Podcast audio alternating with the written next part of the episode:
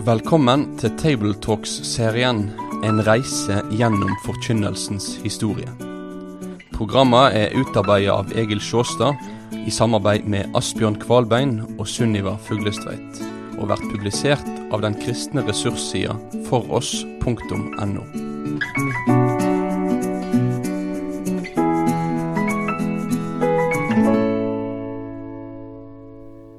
Ja, nå har vi hatt et par episoder om Luther, og vi beveger oss nå inn i norsk kirkevirkelighet, altså eller Danmark-Norge, da.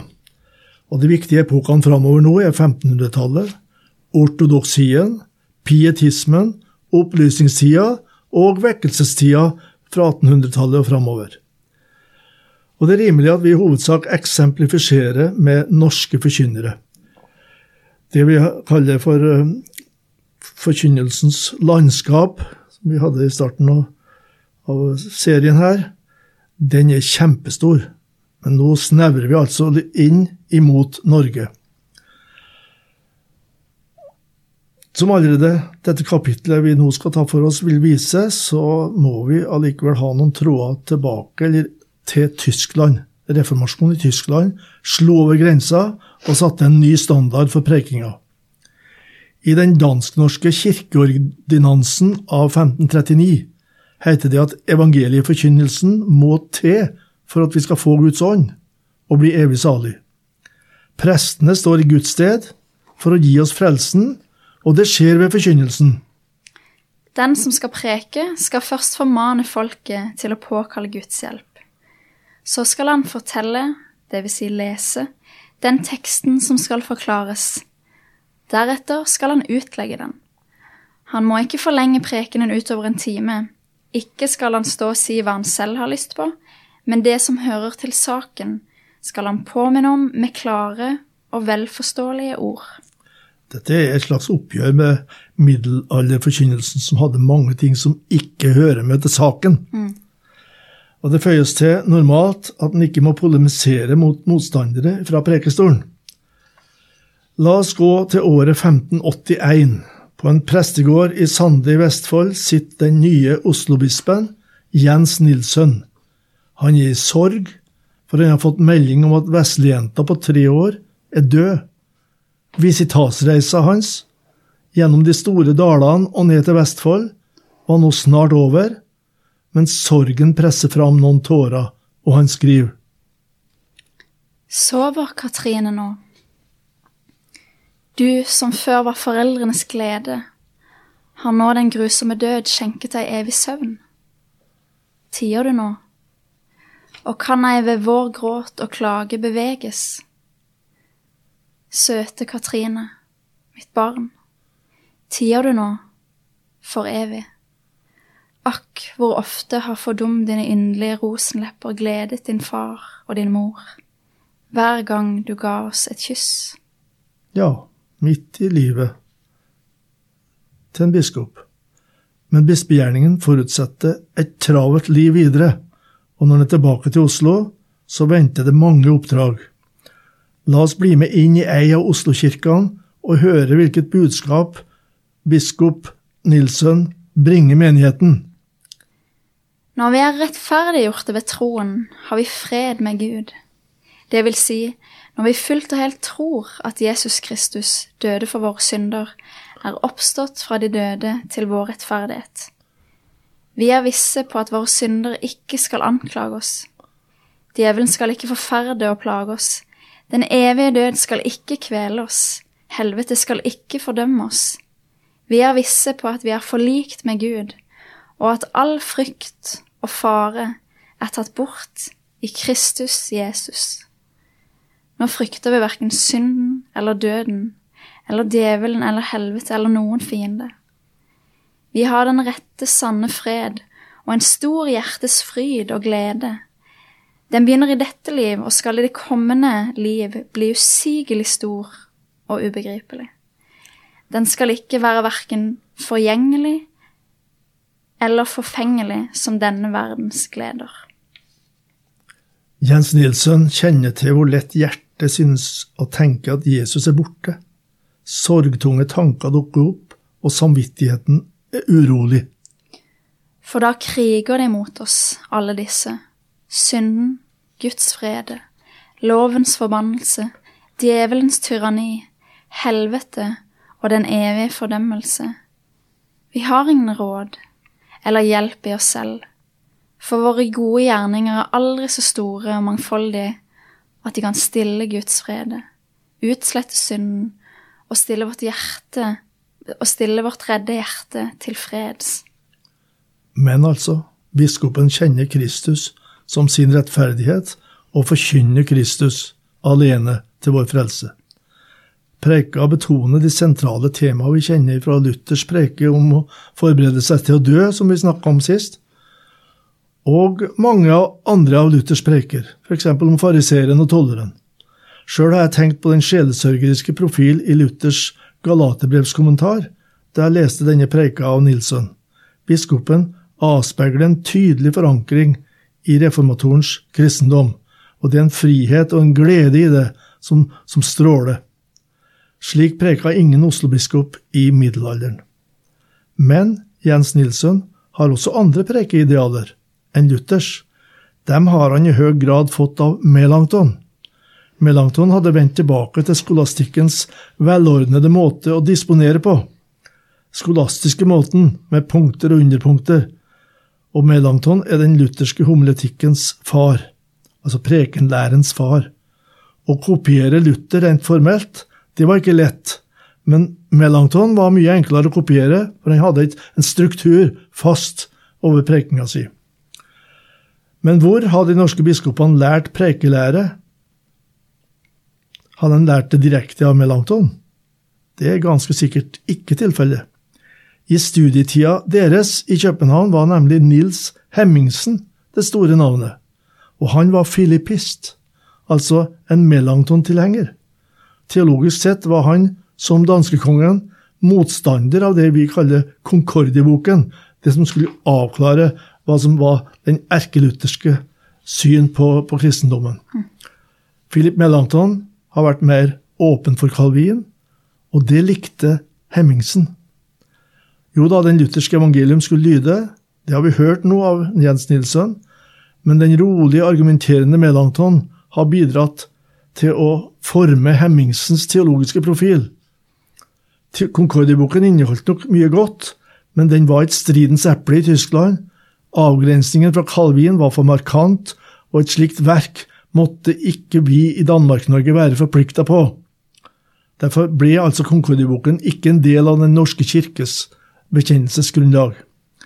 Melanchthon mente at en skulle operere med tre prekentyper, eller at prestene kunne operere med tre prekentyper, eller variere mellom det. Og Der kommer igjen det skolastiske. Den belærende prekentypen, den overbevisende prekentypen eller den formanende prekentypen. Og de lærepunktene som Melanchthon sammenfatta reformasjonens teologi i, ble styrende for selve tekstutleggelsen i alle de tre typene, altså Loki-metoden. Loki er flertall for et bestemt punkt. Lærepunktene. Igjen kommer altså en prekenframdrift prega av punkter og underpunkter til syne. Ryddig, ja, men resultatet ble mindre kerigmatisk, mindre proklamerende og mer belærende enn hos Luther. Denne tradisjonen fra Tyskland kom altså til de norske forkynnerne via Hemmingsen ved Universitetet i Danmark. Nilsons prekener avspeiler dette her. Visitatsbøkene hans inneholder angivelse av tekster og korte karakteristikker av prestenes ferdigheter i prekekunsten. Og selv om noen prester i reformasjonshundreåret ubevisst eller bevisst førte videre katolske tanker, så ser vi i visitasbøkene at lutherske betoninger dominerer. Nilsson siterer av og til temaformuleringer og disposisjon som prestene har brukt når de preika for biskopen, for å testes. En prest har temaet 'Forlat oss vår skyld', og han brukte denne disposisjonen. Punkt 1. Hvem tilgir synden? Punkt 2.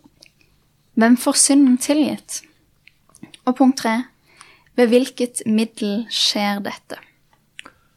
Sjøl brukte Nilsson ofte Efesene 2 og Galaterne 2 og taler om rettferdiggjørelsen når han har visitasgudstjenester. Disse talene vitner om hans iver for å skape evangelisk klarhet i ei tid da levninga fra katolsk frelseslære fortsatt levde i menighetene. I Hobøl tala biskopen sjøl under visitasen 31.8.1597 med denne disposisjon. Punkt 1. Hva rettferdiggjørelsen er, og hva den er fundert og grunnet i. Punkt 2. Ved hvilket middel skal vi motta dem? Ved troen. Punkt 3. Hvorfor rettferdiggjørelsen vi ikke ved lovgjerninger? Han kunne også føye til et moment til hvorfor da de gode gjerningene skal gjøres. En ung kapellan i Østfold hadde en femdelt disposisjon i sin gjennomgang av teksten i Lukas 17, 13. Jesus mester, miskunn deg over oss. Og disse fem partene la han da fram for biskopen. Punkt 1. Om Gud er nådig og barmhjertig eller ei. Punkt 2. Hva vi skal kjenne Guds nåde og barmhjertighet på. Punkt 3. Hvor langt nåden strekker seg. Punkt 4. Hvorledes vi skal bruke Guds nåde. Og punkt 5. Om det finnes noen som misbruker nåden. Dette er altså Melanchtons Loki-metode, lærepunktmetode. Luther sjøl trivdes best med å ta for bibelfortellingen med og rekke menigheten de godene han fant i fortellingen, i en mindre belærende og mer proklamerende form. Men både biskopen og prestene hadde altså Loki-metodens idealer i ryggmargen. Selvsagt kunne både hjertespråk og tilsagn til syndere lyde om en brukte denne metoden. Det så vi i det innledende utdraget fra Nilsen uh, sjøl. Ja, jeg husker når jeg sjøl gikk på bibelskole, så hadde vi det som um, et fag som heter andaktsverksted. Og der skulle vi lære hvordan vi skulle skrive, og hvordan vi skulle holde en andakt. Og da husker jeg at en sånn eh, trepunkts ble framstilt som en sånn god modell som vi kunne bruke. Og jeg har sjøl blitt litt sånn fan av den, kanskje. Men eh, jeg tror at en sånn punktoppbygging kan være et godt verktøy, fordi det ofte gir fremdrift i en tale, f.eks. Og det kan gi struktur, og det gir en god mulighet for en tydelig rød tråd. Og det kan òg hindre oss i at ting svelger veldig, veldig ut. Og om en har med en bibeltekst å gjøre, f.eks., så er det en kjempegod øvelse å lese teksten mange, mange ganger til en nesten greier å fange teksten i ei hovedsetning, på en måte, for så å utbrodere. Nesten minimere, for så å ekspandere teksten. Mm. Men så lenge det ikke blir til en begrensning eller et fengsel for teksten, sånn at det nærmest overstyrer, men et godt verktøy, det syns jeg absolutt er, og jeg er litt sånn fan av sånn punkt. Da syns jeg det er lett å holde en god tråd i det. Du er litt melankolsk? Tydeligvis. da skal vi ta for oss eh, til slutt her i dag stavangerbiskopen Stavanger-biskopen Jørgen Eriksson. Han eh, ble født 1534 og døde i 1604. Så vi kan ikke forlate 1500-tallet før vi gjør en stopp ved Stavanger stasjon. Og i 1592 kom han ut med ei preikesamling med tittelen Profeten Jonas' skjønne historie, ut i 24 predikener utlagt. Det var holdt av Stavanger-biskopen Jørgen Eriksson, altså i Stavanger domkirke. Bare innholdsfortegnelsen måtte inspirere prester til å lese og få prekeimpulser. Boka fikk stor betydning. Her er glimt fra innholdsfortegnelsen. Du får ta det punkt for punkt. Mm. Yes, et punkt eh, er sånn her. Om at Gud sender tjener ved evangeliet på samme måte som Jonas ble sendt til Ninive. Og et annet punkt. Jonas' preken er en preken om rettferdiggjørelsen. For bare ved Guds barmhjertighet og ikke ved egen rettferdighet kan vi bli frelst. Og et tredje punkt. Hva boten egentlig består i, nemlig anger og tro, som vi lærer av ninivittens omvendelse. Og et punkt er sånn her. Hvordan Jonas' hele historie er et bilde på Jesu Kristi lidelse og død. Ja. Spennende. Han er mange han har altså 24 sånne punkter, da, mm. ut ifra Jonas' bok. I preikene kjemper biskopen imot to hovedfiender. Papistene, altså katolsk kristendom, og svermerne. Han forkynner et sterkt evangelisk budskap med en disposisjon som følger gangen i Jonas' bok, men går naturligvis langt utover innholdet i Jonas' bok. da. Han har hele det reformatoriske frelsesbudskapet med seg inn i disse preikene. Hvor har denne ideen ifra? Saken er at den tyske kirkelederen Bogenhagen nettopp hadde utgitt en bok om Jonah. Og likhetstrekka med den boka er veldig mange, sjøl om Eriksen framtrer nokså selvstendig på Preikestolen i Stavanger. Så i en tale tar han for øvrig ikke oppgjør med de tyske stridighetene omkring Concordie-boken, og det har han altså ifra impulsene fra disse tyske preikene. I Tyskland har djevelen i denne klare evangeliske tid oppvakt mange skadelige meninger og trette blant de lærde om den opprinnelige arvesynd og om menneskers frie vilje. Det dreier seg også om sakramentene og andre trosartikler. Enkle mennesker tar avstøt av alt dette. Anstøt, ja. Det, det var altså i Tyskland dette har skjedd, Concordia-boken, og her sier biskopen i Norge at djevelen i denne klare evangeliske tid har oppvagt mange skadelige meninger. Så han mener at de erkelutherske i Tyskland de gikk et hakk for langt, og dermed skapt splid, mm. som ikke burde ha vært der. Vi aner den lutherske striden om filippismen, og om hvor åpen den skal være overfor Calvin. Hos de mest lærde forkynnere på 1500-tallet ser vi altså både sterk kontakt med tysk teologi og frustrasjon over de stridighetene som pågikk i Tyskland. Det skal vi ta mer om i neste episode. Men det viser altså at de norske eh, forkynnere og prester og biskoper, som da iallfall var litt lærd, de hadde nær kontakt med Tyskland.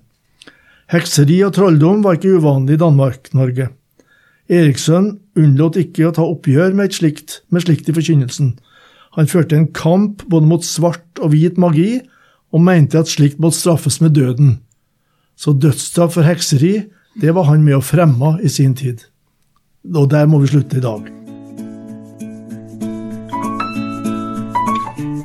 Takk for at du har vært med på denne reisa gjennom forkynnelsens historie. Vil du lese mer om temaet? Da kan du kontakte oss på postalfakrøllfoross.no for å bestille denne serien i bokform. Besøk òg gjerne foross.no for å finne flere aktuelle ressurser.